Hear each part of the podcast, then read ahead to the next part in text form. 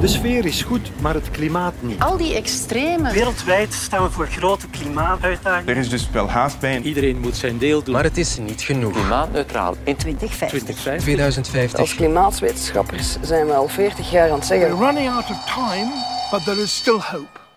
Planeet Frank. Hallo, dit is de 11e Planeet Frank. Jullie kijken verwonderd naar het weer en naar de natuur. En als je echt wil kijken, kan je veel zien. Vandaag antwoorden op jullie vragen over ijs, over de zon en de maan en over grondwater. Voor het centrum van het land een temperatuur vanmiddag rond zo'n min 3 graden. Vandaag en ook de volgende dagen blijven de temperaturen onder het vriespunt hangen. En ook veel dieren hebben last van het sneeuw- en vriesweer. En een badje water, moet ik dat buiten zetten, vraagt iemand met deze temperaturen? Een sneeuwvrij voederplekje voorzien en een vijvertje niet laten dichtvriezen. Het zijn nog kleine dingen die helpen. Dag Frank, wij zijn Christophe en Femke uit Niel en we hebben een bijzondere ontdekking gedaan. In onze tuin staat er een pan met water voor de vogeltjes. En toen het onlangs had gevrozen, zagen we dat er uit deze pan een 15 centimeter lange ijspiek schuin naar boven stak. Toen we dichterbij gingen kijken, zagen we dat deze piek hol en driehoekig was. Dat vonden we toch wel opmerkelijk. Heb jij een idee hoe zo'n piek kan ontstaan en van waar deze speciale vorm komt? Hoi Femke, hoi Christophe. Dat is een mooie waarneming. Ik plaats enkele foto's op mijn podcastpagina bij VRT Nieuws. Is eh, echt heel speciaal. Je moet het echt eens bekijken. Er steekt een soort ijsnaald schuin uit het ijs. We spreken over een ijszuil, of zo je wil, een ijsstalagmiet. Het lijkt wat op een driehoekig rietje. Voor de verklaring moeten we naar de fysica, naar de natuurkunde. We weten allemaal dat water dat bevriest uitzet. Als een volume water verandert in ijs, zet het een kleine 10% uit. Eerst ontstaat aan de oppervlakte van de pan met water een dun, meestal egaal ijslaagje. En op die manier raakt het water onder dat ijslaagje afgesloten van de buitenwereld. Nu, naarmate er meer water in de pan bevriest, zet het natuurlijk uit. Het drukt tegen de wanden van de pan, maar ook tegen het dunne ijsoppervlak. En soms gebeurt het dan dat het uitzettende water nog een gaatje vindt in het dunne ijsoppervlak bovenaan. Dat water wordt dus naar buiten geduwd, maar daar bevriest het natuurlijk onmiddellijk. Naarmate het water verder bevriest en er minder en minder ruimte is voor het nog vloeibare water onder het ijsoppervlak, wordt dus dat vloeibare water in de pan door het oorspronkelijke gaatje van het ijs naar boven geduwd. En op die manier ontstaat er dus een holle ijszuil. Dikwijls is die driehoekig van vorm en dat heeft dan te maken met de typische vorm van ijskristallen. De richting van de ijszuil is onder andere afhankelijk van de windrichting. Op vriesdagen kan je zelf het experiment uitvoeren, of anders is er misschien nog een plaatje in de diepvriezer. Zorg er wel voor dat het bakje met water voldoende stevig is, want een glas met water dat is niet veilig. De kans bestaat dat het glas gewoon barst. De natuur is heel sterk.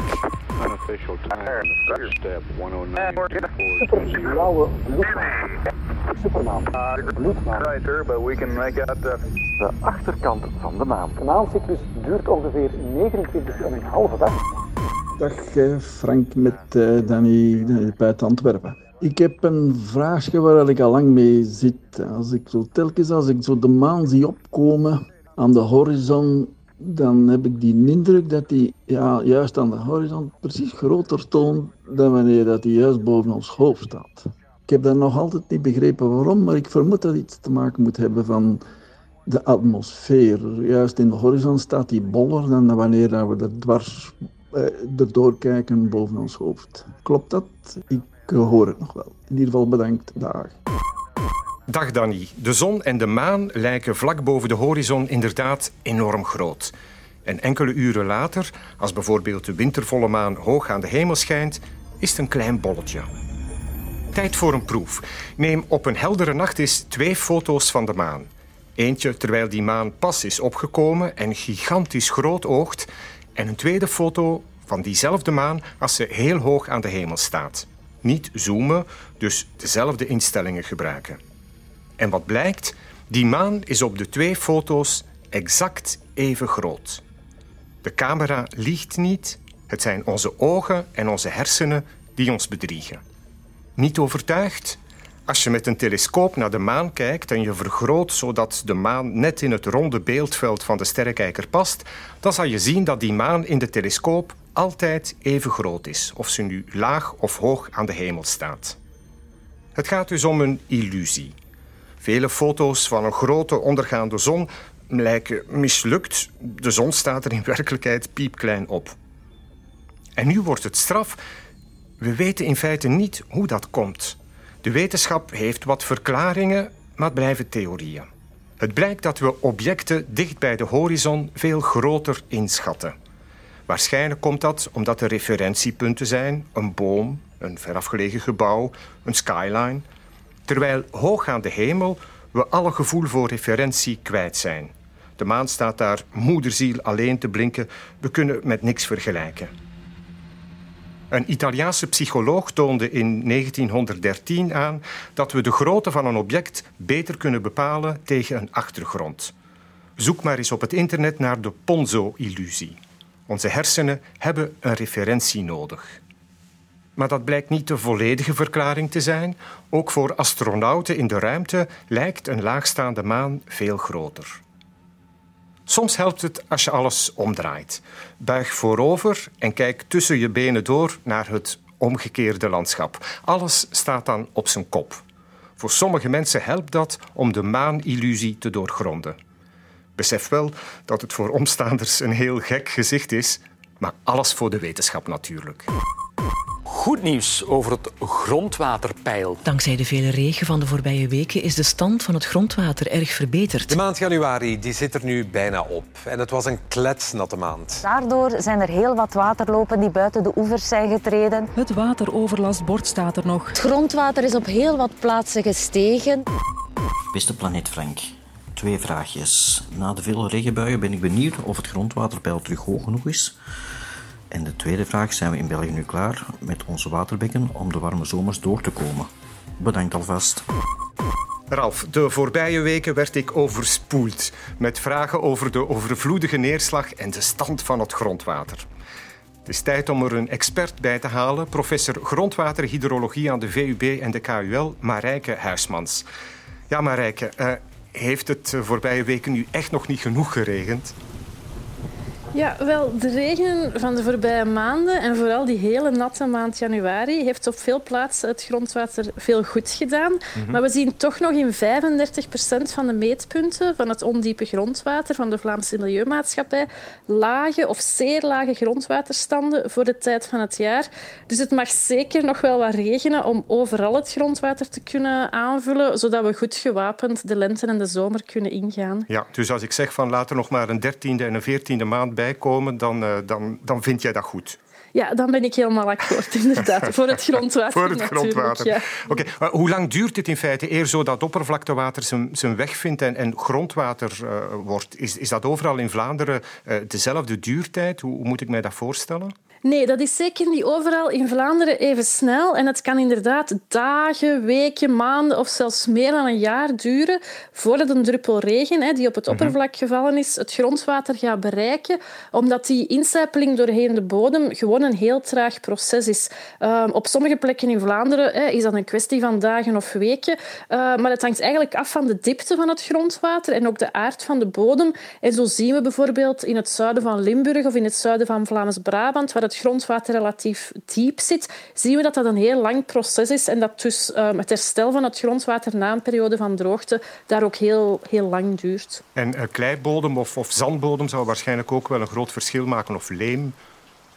Ja, inderdaad. Door een zandbodem gaat dat water natuurlijk veel sneller doorcijpelen dan door een leembodem bijvoorbeeld of een, of een kleibodem, wat eigenlijk dat water gaat afremmen natuurlijk op zijn weg naar het grondwater. -hmm. Wat is nu het verband met de klimaatopwarming? Moeten we ons uh, zorgen maken over ons uh, grondwater?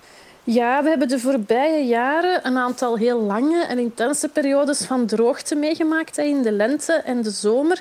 En dat is eigenlijk wat klimaatwetenschappers al lang hadden voorspeld. Hè. Dat een van de gevolgen van die klimaatverandering bij ons is vaker die lange, intense periodes van droogte die natuurlijk een, een, enorme druk zetten op onze natuurlijke waterbronnen uh, en de watervoorziening. Dus ja, en tegelijkertijd voorspellen diezelfde klimaatmodellen ook dat we in de winter, hè, nu dus, net veel meer regen gaan krijgen. Wat dan tot andere problemen kan leiden, zoals overstromingen en wateroverlast. Ja. In feite is het dus eh, in de wintermaanden dat we onze watervoorraad moeten aanvullen, geloof ik. Hè? Ja, inderdaad. We zien typisch dat de grondwaterstanden het laagst zijn op het eind van de zomer, rond, rond eind september. En dat we dan die grondwaterstanden zien stijgen tot ongeveer eind maart. Um, omdat dan de planten terug meer water gaan opnemen. Het wordt ook warmer, er gaat meer water verdampen. Dus het is eigenlijk in die winterperiode tussen eind september en eind maart dat het grondwater goed kan aangevuld worden Um, omdat er op dat moment niet veel water gaat verdampen en ook niet veel water gaat opgenomen worden door planten en gewassen.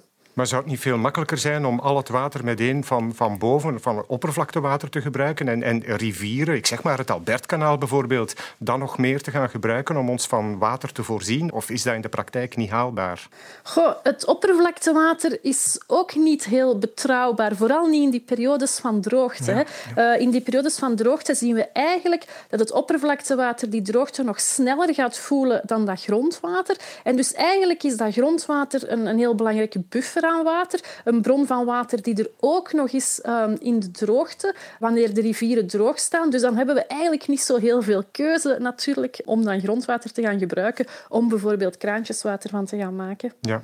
Nu, wat zouden wij uh, moeten doen om als individuele verbruikers zomers tekorten te vermijden en winters geen wateroverlast te hebben?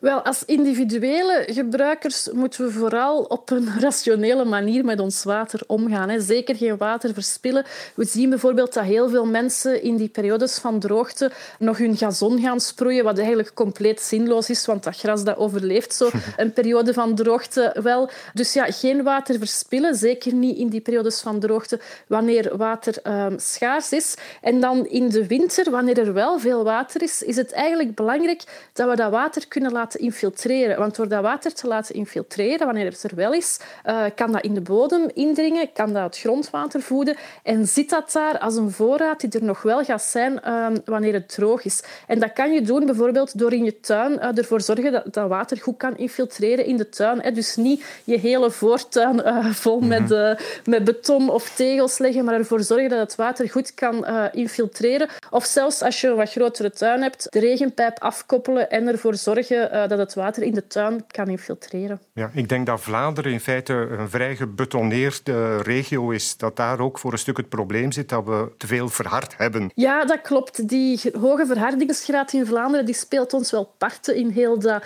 waterverhaal. Die zorgt er enerzijds voor dat het grondwater niet goed kan gevoed worden en anderzijds zorgt hij ervoor dat we, wanneer het wel regent, wateroverlast kunnen hebben. Dus ervoor zorgen dat er meer water kan infiltreren, zelfs in het verharde Vlaanderen, is echt wel is de sleutel um, aan, aan het merendeel van de waterproblemen waar dat we nu mee geconfronteerd worden. Ja. Hoe ziet u de toekomst voor ons land? Gaan we het redden, denkt u? Wel, enerzijds staan we natuurlijk voor hele grote uitdagingen. De klimaatscenario's voorspellen meer water in de, in de winter, minder water in de zomer. Mhm. Maar anderzijds wonen we in Vlaanderen natuurlijk niet in een woestijn. Dus denk ik wel dat dit een oplosbaar probleem is. Dat als het water er is in de winter, als we dat kunnen laten infiltreren, als we dat beter kunnen opslaan in de ondergrond, als we dat kunnen bufferen, als we dat slimmer kunnen gaan gebruiken, kunnen we dit probleem wel oplossen, denk ik. Oké. Okay.